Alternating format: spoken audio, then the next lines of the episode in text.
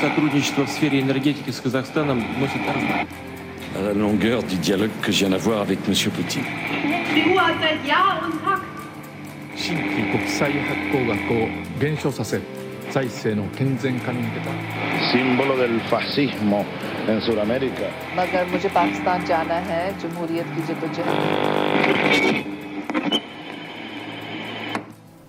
Bakerst i bussen, der de kule sitter, sier poeten.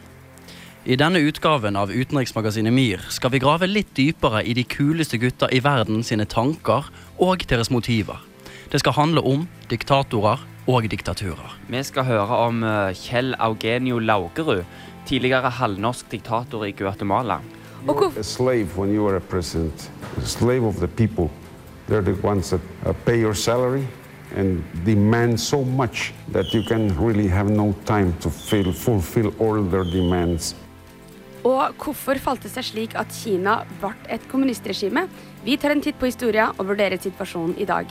For det første så er rommet for å ytre seg eh, og for å skrive og uttale seg, det er nok mye større enn det folk eh, kanskje eh, her hjemme eller sett utenfra har en tendens til å tro. Vår elska programleder har laga en kommentar om hvordan et diktatur kan overleve gjennom generasjoner. Elsket, du verden. Tusen takk, Joakim. Eh, før vi setter showet i gang for fullt, så kan vi ta og lytte til ukens låt her i Studentradioen i Bergen. Vi skal høre Future Islands med Spirit. Go a little something like this. Hit it. President Obama said he did not feel that he deserved to be in the company of so many. The committee has attached special importance to, to Obama's vision of and work for a world free from nuclear that have been honored by this prize and whose courageous pursuit of peace has inspired the world. For more inspiration, utenriksmagasinet MIR. Det stemmer, du lytter til utenriksmagasinet MIR på Studentradioen i Bergen, og denne uken handler det om diktatorer eh, live. Eh, I studio sitter jeg, August Riise. Jeg er Aisha Marie Heim. Og meg, Joakim Haaland. Er dere spent for dagens sending? Veldig. Veldig. Fantastisk. Og kjære lytter, er du spent på dagens sending? Ja. eh, Vi kan ikke høre deg, kjære lytter, men vi kan lese det du skriver. Så du kan gå inn på Facebook og skrive på Utenriksmagasinet MIR sin Facebook-side, eller du kan kontakte oss på Twitter. Og på SMS. Og på SMS. Før vi setter ja, SMS 1963 til SRIB, altså kodeord SRIB til 1963. Ja, altså skriv hva enn du vil. Absolutt hva du vil. Eh, gjerne noe utenriksrelatert. da ofte. Eh, kan være greit. Ja, helst. Men ja, apropos folket, du som hører på. Vi har vært ute og tatt, eh, tatt temperaturen på dere.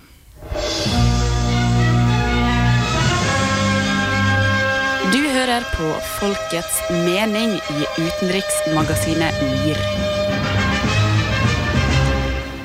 Ja, folket, vi har spurt dere. Hva ville du gjort om du kunne være diktator? Og her var det dere svarte. Eh, diktator for en dag. Ehm, jeg ville forsøkt å gjort gode ting istedenfor uh, slemme ting. Jeg vet ikke. Jeg ville forsøkt å gjort diktator til noe positivt, kanskje. Som førstemann, kanskje, i historien. Ja, nei, jeg ville jo sikkert gjort noe for miljøet, da. Ja, ja og, og sørge for at eh, velferdsstaten da blir ivaretatt og er bærekraftig. De to sakene. Veldig vanskelig å si, men jeg ville jo tenkt på fellesskapet. Altså, hva er det som skaper et godt samfunn? Hva er det som holder oss sammen? Og så ville jeg gitt litt flere penger til humanistisk forskning. Humanistisk forskning. ja. everyone should be happy, so I would do anything to make everyone happy. would that be a good thing for a good dictator? Yeah, definitely. Okay, so I would do everything to make everyone happy. Jeg er veldig for eh, miljøtiltak, da. Så kanskje vi kunne stoppet all biltrafikk og båttrafikk en dag. Fått luket ut ting som eh, ikke fungerer så bra. Stemmerett. Ja, det var mange jomfru Marias eh, og Gandhis der ute. Folk som ville bruke sine krefter for det gode og ikke for det onde. Eh, Joakim, hva ville du brukt holdt på å si, den ubegrensede makten til om du var diktator? Ja, jeg lurer på om jeg hadde vært like fornuftig som de der folka på gata hadde vært. Mm. Jeg tror kanskje Altså, hvis du er eh, diktator og har et helt nasjonalbudsjett i lomma di, kan gjøre akkurat hva du vil, Mm.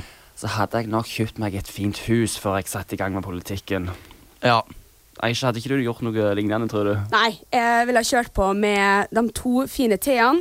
Trygghet og trivsel. Ville, ja, jeg ville ha vært Skal jeg si, der har jeg også to t-er. Ja, to T-er. Eh, miljø. Jeg kjører med, er med på miljøbølgen. Sikre jorda, rett og slett. At den er bærekraftig. Og trivsel. Altså, jeg tror akseptering. Jeg tror det er nøkkelen til Mm. verdensfred. Akkurat. Eh, selv tror jeg nok at jeg ville eh, forbudt sirkus med en gang. Det Ja. tror jeg er det første jeg hadde gjort, faktisk. Eh, både av dyrevelferdsårsaker, slik ville jeg profilert det, men mest fordi jeg syns det er jævlig harry. Eh, jeg syns det ikke er noe om at folk drar til sirkus for å bli underholdt. Det er det. Eh, men ja, vi har faktisk et eksempel på en mann, en halvnorsk mann, Kjell Eugenio, diktator i Guatemala fra 74 til eh, 78. Og det kan jo være litt interessant å høre hva i all verden er det han har gjort. Det har da Martin Dale Bergheim tatt for seg. La oss høre.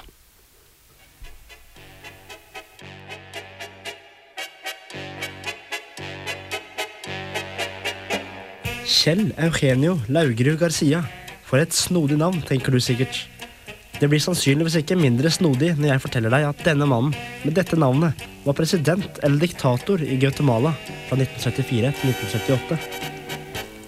Kjell Laugerud var sønn av Per Laugerud, en mann fra Hokksund, som dro til Guatemala og giftet seg med en guatemalansk dame. Hans norske aner ble naturligvis godt kjent i løpet av 1970-årene. Kjell ble født i Guatemala City i 1930, og han ble tidlig engasjert i samfunnet og dro bl.a. til USA for å begynne på militærskole. Han ble uteksaminert fra et militærakademi i hjemlandet Guatemala, hvor han ble overinspektør av rang i 1965. Senere ble han opptatt av politikk og var forsvarsminister under president Carlos Arana frem til 1974, da det var hans tur til å bli landets president. Omverdenen ser imidlertid på valgseieren som valgfusk, preget av vold og militærkupp. Min begeistrelse over denne mannen er stor, så jeg tok meg en prat med Einar Berntsen, førsteamanuensis i sammenlignende politikk ved Universitetet i Bergen. Jeg lurte på hvordan det kunne ha seg at en norsk mann i hermetegn kunne bli president i Guatemala. Jeg tror ikke det har noe med de norske anene å gjøre. Eh, Han, eh, som mange eh, elitepersoner i Guatemala, så får de sine posisjoner i- kraft av å være elitepersoner, ikke, ikke av sin eh, holdt på å si, nasjonale uh, herkomst eller opprinnelse. Kjell Laugerud var politiker i det høyreorienterte partiet Movimiento Liberación Nacional, som er et antikommunistisk parti. Min erfaring er at diktatorer ofte er kommunistiske. Derfor spurte jeg Einar om hvordan Laugerud både kunne være diktator og samtidig stå for et liberalt politisk syn. Det har ingenting med det liberale å gjøre. Eh, MLN står for Movimiento de Liberación Nacional. Eh, det var liksom de som sto for eh, det ideologiske, politiske tendensen eller innholdet i den guatemalanske kontrarevolusjonen. ikke sant? Og, og det var for å skape en slags balanse mot, og som så seg selv som på en måte etterfølgende, de som skulle ivareta på en måte den motsatte siden, altså arven fra revolusjonen. Eh, men eh, som etter hvert da beveget seg i retning av sentrum, og også Høyre, så ble et høyreparti. ikke sant? Laugeruds parti fryktet altså at kommunismen skulle få stor innflytelse i landet på en tid hvor geriljavirksomhet dominerte i landene rundt Guatemala, som f.eks. Cuba. Folket i Guatemala gir også Laugerud æren for å ha rustet opp landet etter det kraftige jordskjelvet i 1976, som skapte store ødeleggelser og problemer i landet. Programleder og komiker Alex Rosén, som i 2001 hadde programmet Folk i farta for NRK, besøkte Kjell Laugerud i hans eget hjem i Guatemala.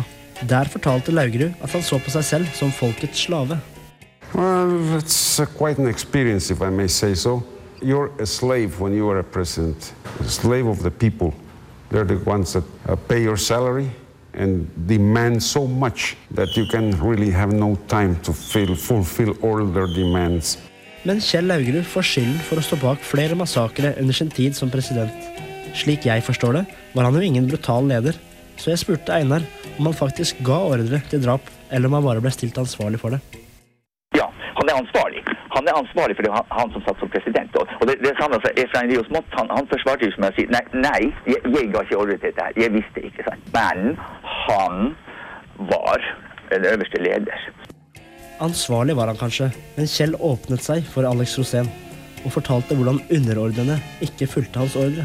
Han mener selv han ikke er ansvarlig for de handlingene som ble begått uten hans godkjennelse. And many things are done without you knowing it.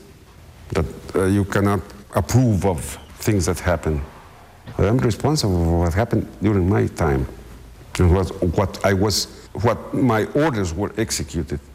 But I cannot be responsible for those that did not comply with their orders, with those that did not obey their code of honor, those who that assassin, assassinated or killed innocent people. I cannot approve what they did. Men Kjell var likevel klar på at han hadde en stor oppgave som landets leder å kjempe mot kommunismen, selv om han likte det eller ikke. The Constitution said that the Communist Party in this country was uh, banned, was prohibited. That's what the Constitution said, and that it was an order to fight communism. Hmm? So that's what we had to do, whether I like it or not. But like I say, the unfair part of this is the amount of civilian people that die. Han var kanskje ansvarlig for en rekke tapte menneskeliv, og han brøt sikkert noen menneskerettigheter, men han var også en stor mann. Han gjorde alt for å vinne over kommunistene, og han gjorde alt for folket sitt. Han var folkets slave. Kjell Laugrud døde i 2009, 79 år gammel.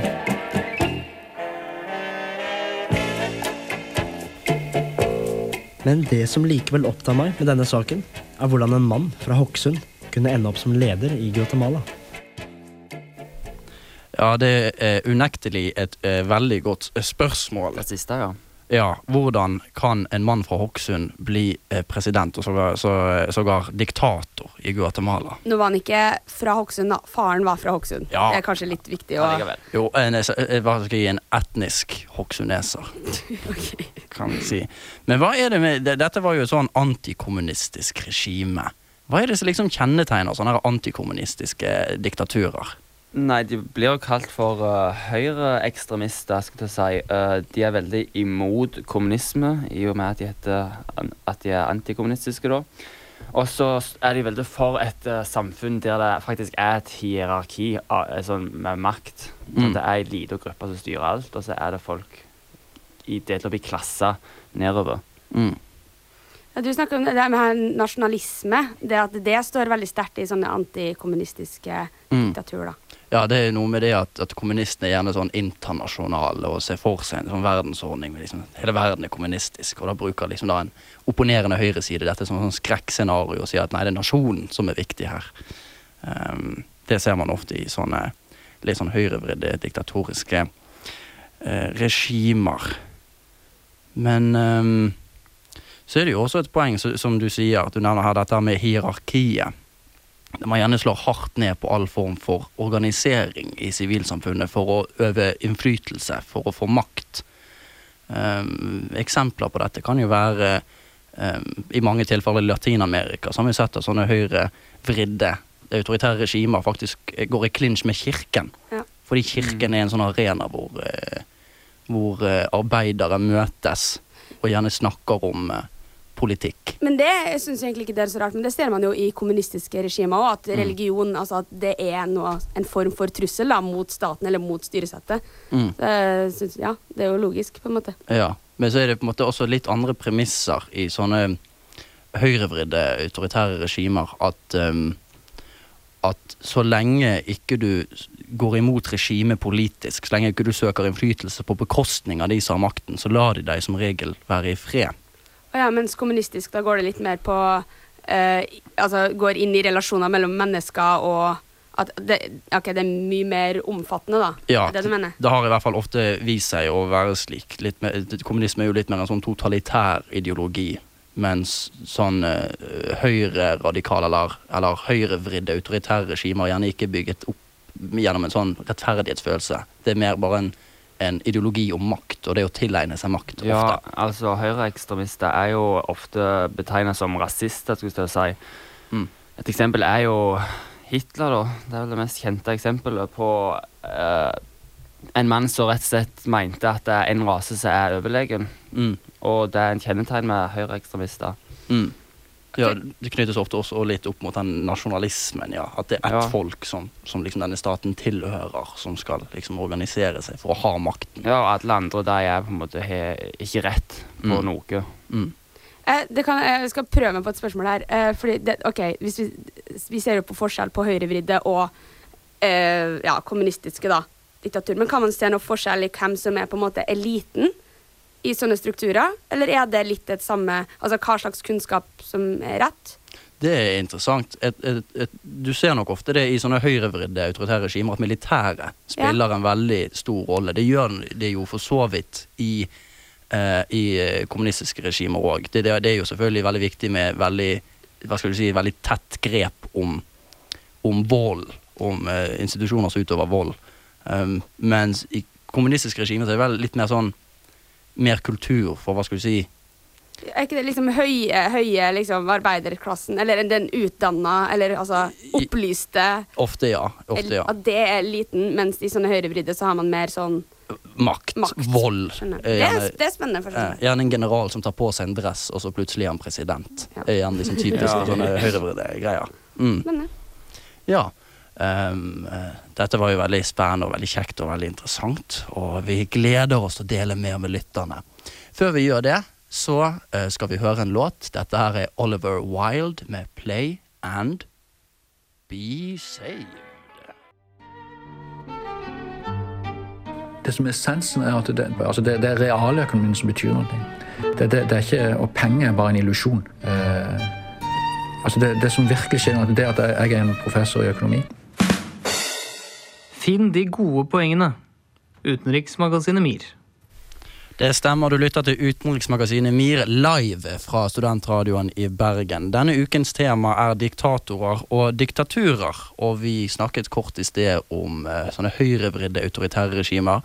Nå skal vi nå litt innom de som ligger i den andre enden av spekteret, nemlig de kommunistiske regimer og diktatorer. Um, hva er egentlig kommunister, Joakim Haaland? Kommunisme, det er røde flagg. Nei da. Det er eh, De står veldig for eh, en felleseie på en måte, i samfunnet og en likestilling av alle. Det er vel så mye jeg kan. Aisha? Ja, jeg har litt sånne, sånne setninger eh, fra, fra tidligere undervisninger. Sånn yt etter evne, få etter behov. Mm. Det her med realisering gjennom arbeid og eh, at alle er like, ja, at felle, altså. Mm. Egalitært samfunn, da. Ja. Man skal liksom bruke staten til å få full eh, likhet i samfunnet, som jo er litt av en utfordring. Og skal, altså, egentlig staten skal eie alt. ja, alt av produksjon. Ja, litt umulig vil man kanskje tro. Eie alt av produksjonsmidler, i hvert fall. Målet er jo et klasseløst samfunn, da. Ja. Alle er like. Ja, altså Veien til det målet det resulterer ofte i eh, diktatur. Er det ikke sånn? Jo, logikken er vel det at staten er borgerskapet sitt instrument for å liksom bevare maktstrukturer. Um, og eneste måten å hindre at staten blir brukt på den måten, er dersom proletariatet reiser seg og bruker staten mot borgerskapet. Så det er proletariatets diktatur er altså det som må skje. Ja. Um, ja, dette er da i hvert fall sånn teoretisk og ideologisk. Nå skal vi gå til et case. Kina. Og hvor kommunistisk er det egentlig? Det spørsmålet har Katrine Lunde stilt seg. La oss høre på det.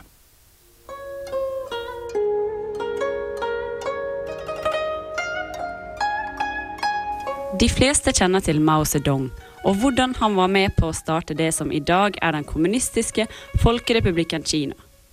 Jeg vil vite mer om denne historien og få et svar på hvordan Kina ble slik det er i dag. Jeg tok derfor fram telefonen og ringte stipendiat ved Instituttet for sammenlignende politikk ved Universitetet i Bergen, Hans Jørgen Gåsemyr, for å få svar på spørsmålet. Hvorfor endte Kina opp med å bli kommunistisk? På slutten av 1800-tallet, begynnelsen av 1900-tallet, så var det mange type, typer strømninger og utviklinger eh, i Kina. Det var et veldig kaotisk land. En av de bevegelsene, eller en av de gruppene som uh, um, jobba fram noe, det var kommunistene og det som etter hvert ble Kinas kommunistparti. Men de var ikke alene. Så hadde man uh, slutten på keiserriket og den siste keiseren som abdiserte i 1911 og 1912. Uh, og så hadde man uh, en ny republikk som ble eh, etablert. Leda ikke av kommunistene, men av de såkalte nasjonalistene, som var et annet parti. Og de to uh, som i noen tiår framover da uh, kjempa delvis mot hverandre, og delvis samla mot det som var uh, japanske okkupanter. Uh, og For å gjøre en veldig sånn, lang og komplisert og, og, ganske voldelig og brutal historie ganske kort, så var det uh, enkelt og greit kommunistene som vant uh, og beseira nasjonalistene, som rømte til Taiwan og leder da den kinesiske republikk med sete der. Mens det var Mao Zedong som da leda kommunistene til den endelige seieren og etablerte Folkerepublikken i 1949. Kina i dag er ikke helt slik det var da Mao Zedong styrte landet. Selv om han utstyrte landet med en ideologi som han brukte til sitt beste, er det nå engang slik at Kina har hatt en utrolig økonomisk vekst de siste årene. Og det hadde kanskje ikke vært slik om det ikke var for det ettpartisystemet de har i dag. Hvorfor rokere på noe som fungerer? Men hvordan fungerer egentlig kommunismen i Kina i dag? Rent bortsett fra det kommunistiske partisystemet og politikken oppi det, så kan man eh, vel si at Kina på en rekke andre områder fungerer på lik linje med veldig mange eh, andre land i økonomisk og handel og i forhold til samfunnsstruktur osv., som har mye mindre med kommunismen å gjøre. Og Det som har utvikla seg etter Ma døde i 76 og fram til i dag, som har vært et veldig framadstormende Kina som har vokst hurtig økonomisk og hatt veldig enorm utvikling, eh, så er det mange sider av Kina i dag som vil være vanskelig, eller vil i hvert fall jeg si er veldig problematisk å se på som kommunistisk. Eh, så det er partisystemet og politikken som gjør at man fortsatt holder på å kalle det et eh, kommunistisk land. Som de fleste vet, var Karl Marx en av de første som snakket om kommunisme og det klasseløse samfunnet. Ved en revolusjon ville et kommunistisk samfunn vokse frem fra det sosialistiske, og staten som institusjon ville dermed dø hen. Lenin viderearbeidet Marx sine verker, og hevdet at utviklingen mot et kommunistisk samfunn måtte ledes av en bevisstgjort elite innenfor arbeiderklassen, nemlig Det kommunistiske parti. Med disse ordene i bakhodet, er Kina et kommunistisk land? Ja, i den forstand at det har en veldig sterk eh, historie i forhold til uh, symboler. Um, og partiet holder jo fortsatt på sin ideologi, som bygger på den gamle leninismen og sosialismen og maoismen og de tilleggene som har blitt lagt til uh, i årene etterpå. Så ideologien oppi det holder seg levende. men hvis du ser på hvordan politikken blir til, og hvordan um, politikken fungerer, så kan man vel si at, uh, at det er like mye andre prinsipper som er gjeldende som uh, kommunismen. Den vestlige oppfatningen av det kommunistiske Kina er til tider nokså lik slik han kanskje heller burde assosiere med Nord-Korea eller Russland, hvor man gjerne tenker at ytringsfrihet og kritikk mot styresmaktene straffes hardt. Vi har jo også gjerne hørt at pressen er eid av staten, og at de styrer den med jernhånd, alt som publiseres i Kina. Men er det egentlig sånn?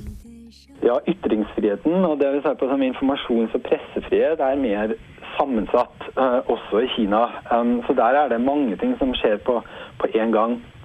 For det første så er rommet for å ytre seg uh, og for å skrive og uttale seg det er nok mye større enn det folk uh, kanskje her hjemme eller sett utenfra har en tendens til å tro.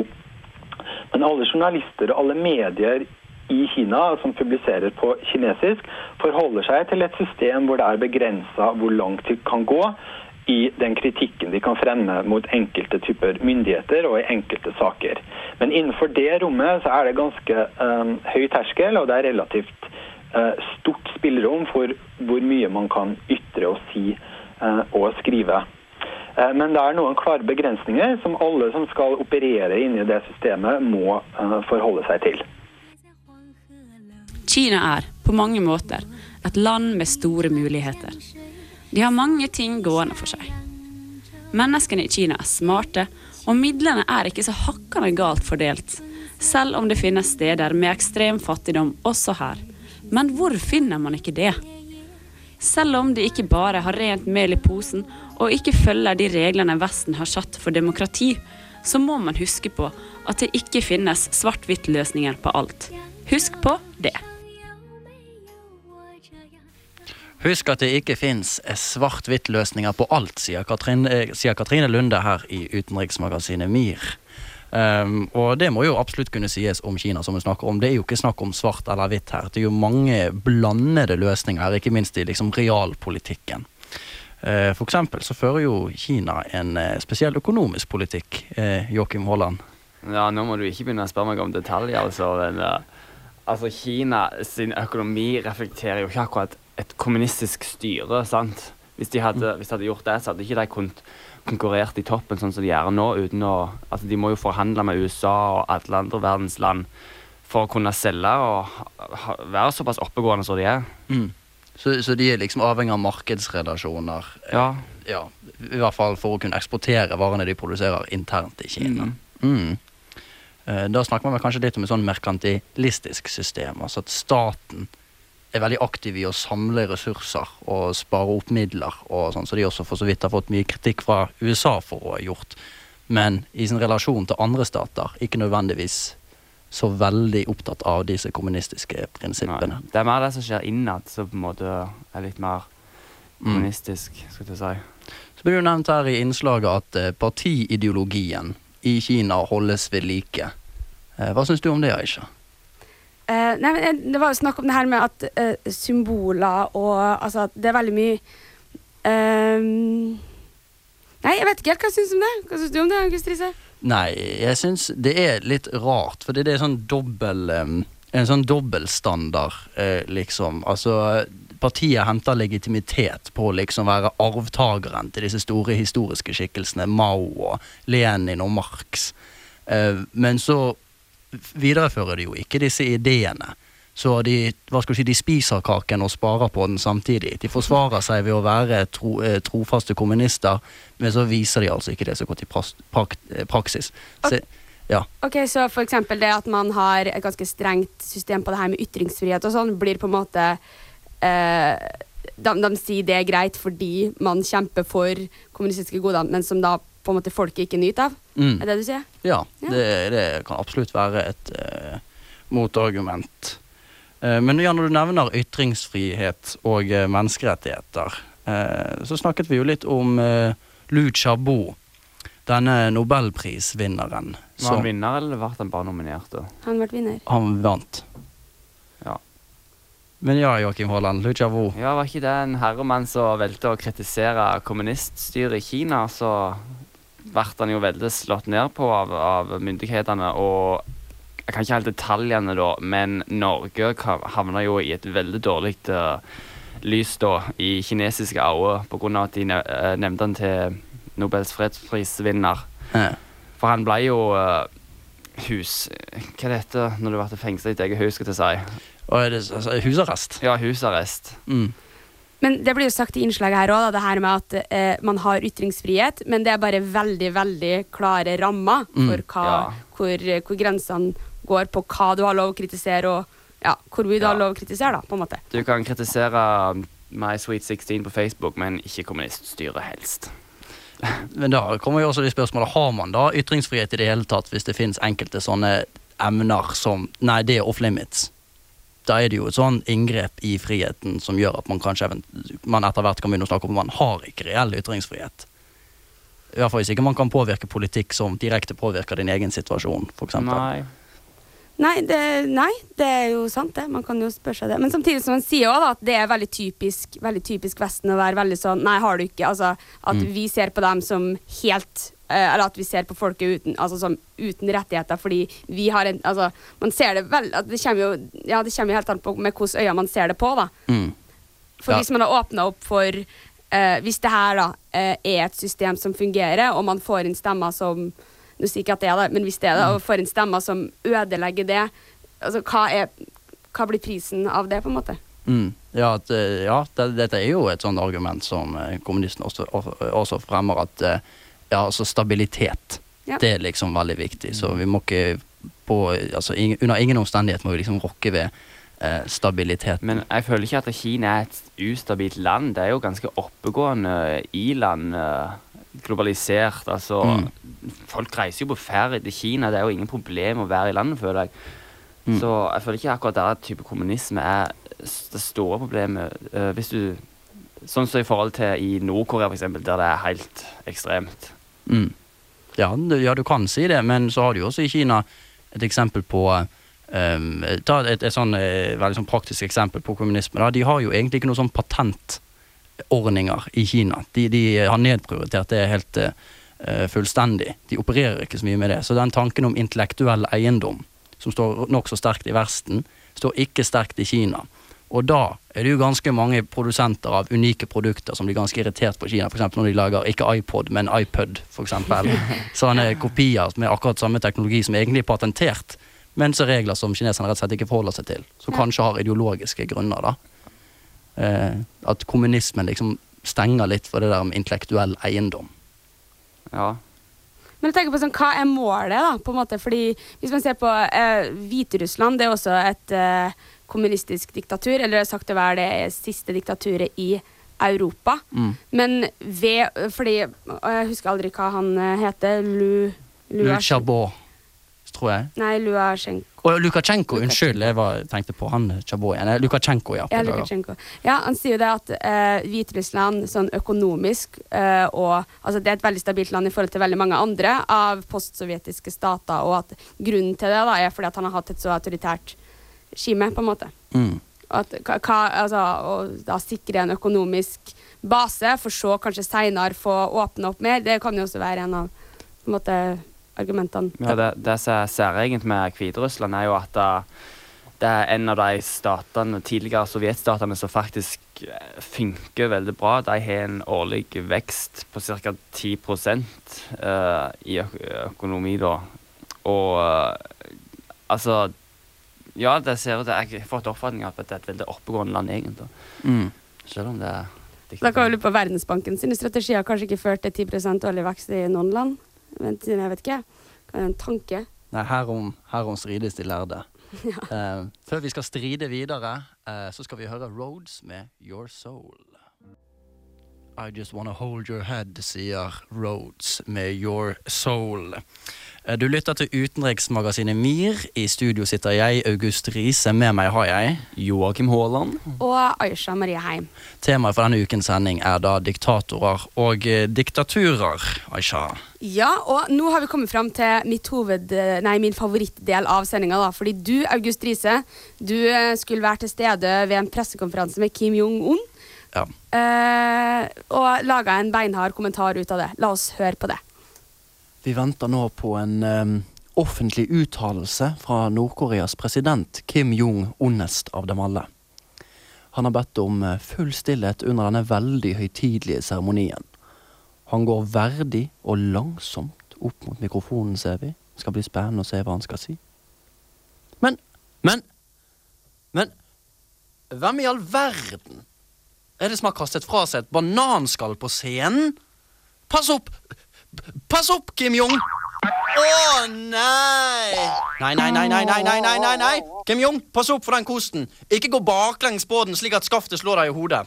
Pass opp! Pass opp, Kim Jong! Nei, nei, nei, nei, nei, nei, nei, nei, nei, nei, nei, nei, nei, Kim Jong, Kim Jong, ikke ta imot den sigaren fra Snørresprett. Ikke gjør det. Ikke ta imot sigaren fra Snørresprett. Den ser kanskje ut som en sigar, men det er egentlig en dynamittgubbe. Nei, nei, nei, nei, ikke tenn på! Ikke tenn på! Kim Jong-un ligger nå helt skølsvart av sot i ansiktet og har masse kanarifugler svevende i en sirkel over hodet. For en utvikling for det som skulle bli århundrets mest verdige og seriøse uttalelse fra en statsmann.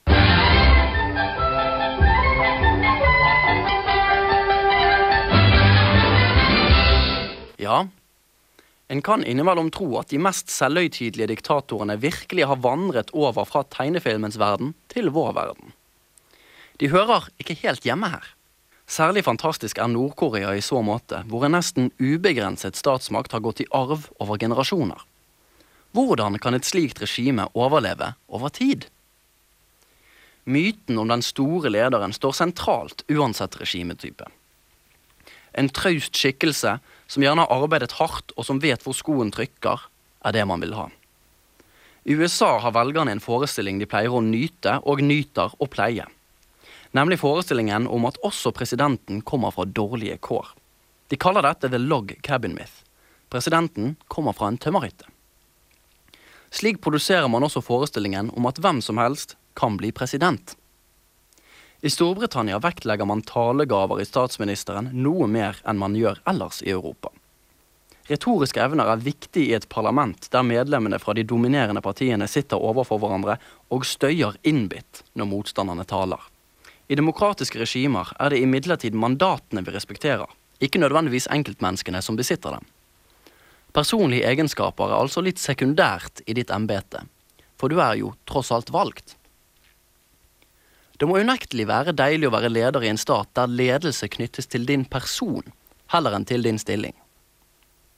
Da trenger du jo ikke gi fra deg ledelsen. Men da må du også designe myten om godt lederskap til din person, heller enn å forsvare den gjennom velgeroppslutning. Dette gjøres med veksle hell i diktatoriske regimer. Dokumentasjon til akkurat denne påstanden kan oppsøkes på Googles bildesøketjeneste med søkeordene 'Putin topless'.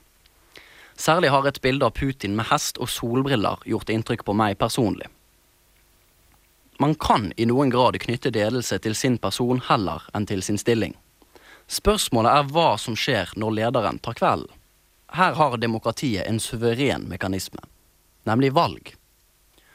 Overgangsprosesser fra en leder til en annen kan bli litt brysom og energikrevende dersom man ikke har bredt akseptert prosedyre.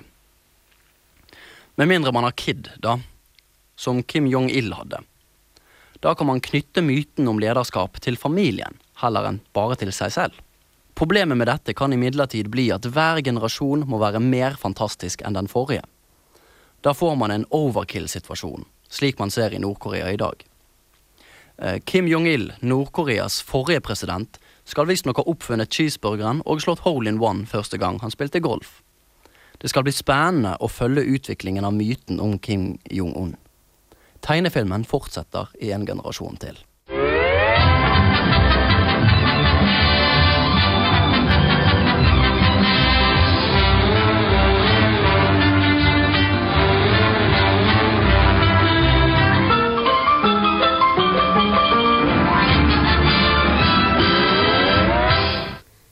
Var altså August Riise sin kommentar om Nord-Korea og diktaturet der. Mm, det stemmer. Um, så spørsmålet jeg stiller er på en måte litt sånn hvordan kan egentlig disse diktaturene overleve? Uh, I sted så snakket vi jo litt om at uh, sånne at et av argumentene til sånne autoritære regimer er stabilitet og vekst før vi kan liksom slippe demokratiet løst. Um, så tror dere det kanskje gjelder for autoritære regimer og altså, diktaturer at de må levere økonomisk, de må ha vekst. Det er eneste måten de kan overleve på. Tror du at det er den eneste måten de overlever på? Jeg vet ikke. Hvis det er et veldig sterkt styre, så har det kanskje ikke så mye å si om de gjør det godt eller ikke, men selvsagt så er det jo med å hjelpe det, på en måte, hvis det faktisk funker. Sånn som Kina. Mm. Men så er det jo sånn Nord-Korea, da. Hvor eh, det er, jo, det er jo bare en kategori for seg sjøl, for folk sulter jo. Det har jo vært flere sultkatastrofer og øh, økonomi eller ikke økonomi, liksom. Det er ikke noe som har noe å si, fordi altså Den som styrer altså, Det er bare en, helt, det er bare en, en historie Mm. som Men er Nord-Korea helt selvforsynt? Altså, de kan jo ikke få mye import. Nei, de, de har en sånn der eh, ideologi, jeg husker ikke hva den heter, men som går på fullstendig selvforsyning. Jeg tror, Det her er bare rykte, da, men jeg tror eh, de får importert eh, eh, whisky, eh, basketball og porno. Ja, det, det er vel Kim Jong-un personlig ja, som importerer. det, men det er jo det som på en måte blir importert, da. Ja, Basketball er veldig viktig. Han Det er elsker jo basketball. Mm. Ja, det, han, er- det er interessant. Han, han er eh, Kim Jong-un. Det, det er jo det, det er en, måte å se det på, som dere sier. Altså, dette med at økonomi er kanskje ikke nok. Eh, vi så jo det at han eh, fikk henrettet sin egen onkel fordi at den skitne hunden ikke klappet iherdig nok etter at Kim Jong-un var ferdig med å snakke. Dette er jo litt, rett og slett skremsels. Men det var ikke bare derfor han ble henretta. Var det ikke fordi han mente han hadde gått imot han eh, og konspirert og fått partnere i andre land til å gå mot han? Eller kanskje bare sa han det fordi han ikke klapte høyt nok? Ja, det, det, det er jo også et uh, nå skal du dø Mm. for det. Men jeg tror, jeg tror jo frykt her er jo selvfølgelig, hvis det er det du leter etter, da. Det er jo et kjempe, kjempebra virkemiddel for å opprettholde sin egen posisjon. Mm. absolutt. Ja, det er klart. Ja, det er jo sånn det funker for diktatorer. Det er jo sånn skremselspolitikk. Mm. Men det du stiller også, er jo på en måte hvordan noe så latterlig Vi, vi flirer jo av det her i studio, på en Mm. måte, og vi snakker om Nord-Korea, vi syns det er latterlig, men hvordan kan det hvordan kan det opprettholdes, da, hvis det er Mm. så latterlig? Og jeg tror kanskje, for det snakka vi om når vi hadde øh, Solidaritetsungdommen her, det her med Mm. atomkraft, for de sitter jo på atomvåpen, og den også frykta, eller den trusselen der, da, er med på å skape en sånn Altså, man kan, man kan ikke gjøre noe, for da kan de utslette verden. På en måte. Mm. Ja, så det En ting er på en måte det som skjer internt, men en annen ting er også det at ingen griper inn utenfra fordi at man har denne overhengende atomkrigtrusselen. Så det kan absolutt være en grunn. Men så er det jo også da denne konstruksjonen av myter rundt eh, ledere. Det ser man jo også liksom i vestlige demokratier. Ser det overalt, selvfølgelig. Um, men særlig sterkt må jo kanskje dette være et sted hvor eh, det ikke finnes noe demokratisk legitimitet. Altså Du styrer bare i egenskap av å være en sånn fantastisk fyr. Og da ser man jo ofte det manifestert gjennom sånne fantastiske historier om lederne. Det finnes jo mange sånne gøye vandrehistorier om eh, Kim Jong-il. Kim Jong-il og Kim Jong-un og hele denne familien der. Ja, vi hadde jo, nå teaser jeg jo til veldig mange tidligere sendinger vi har hatt, men vi hadde jo en her som var politisk flyktning fra Egypt. og Han snakka om det at for at en stat skal kun eksistere, så må den ha legitimitet i folket sitt. Mm. Uh, og det har Altså, at det må man huske, da, på en måte, at i Nord-Korea da, han har folket med seg. Mm. Og det er jo propaganda. Vi sier det er propaganda, jeg sier det er propaganda. Det er jo på en måte historier, tullehistorier, på en måte. Men Mm. folket tror på det. Og det er på en måte det som gjør at han kan fortsette å sitte. Ja, Folk trodde jo på det under andre verdenskrig òg. Det er jo derfor det gikk så langt som det gikk. Ja. Med all propagandaen. Mm. Ja, så, så det er liksom et veldig sånn stort behov for å liksom legitimere, som du sier, nå, legitimiteten ikke ligger i folket. Eller den må jo for så vidt ligge i folket, men den ligger ikke i det at folket velger denne lederen. De må, folket må overbevises over hvor mye de Men- elsker. Det er jo kunnskapen. Mm. Det er jo kunnskapen alt måles opp mot. Men nordkoreanerne de er jo ikke overbevist, de er jo bare hjernevask. da. Altså, Du må ikke overbevise deg at du stemmer på meg, King Jong-il, for det, det og det og det. og det. De er jo bare hjernevask. De, får, de var små barn, liksom. Ja. Og det er også noe Når det vedvarer så lenge over tid, så blir det vel kanskje lettere og lettere å reprodusere myten òg. Det ville vært, vel, vært noe vanskeligere hvis f.eks. nå Erna Solberg skulle Ja. forsvare at uh, Nei, nå, uh, nå sitter jeg litt lenger. Jeg har valgt å sitte litt lenger. Ja. Det er jo, men, men ja, som du sier, det er jo på en måte kunst Det er jo jeg tror, ja, jeg tror ikke man må kimse med den her Det er så indoktrinert, da. Det er det, er det som er virkeligheten, på en måte. Men tror du det er derfor at uh, kommunist- eller diktaturregimet da klarer å overleve? På grunn av det er på en måte så, så inni folket å adlyde den ene skikkelsen?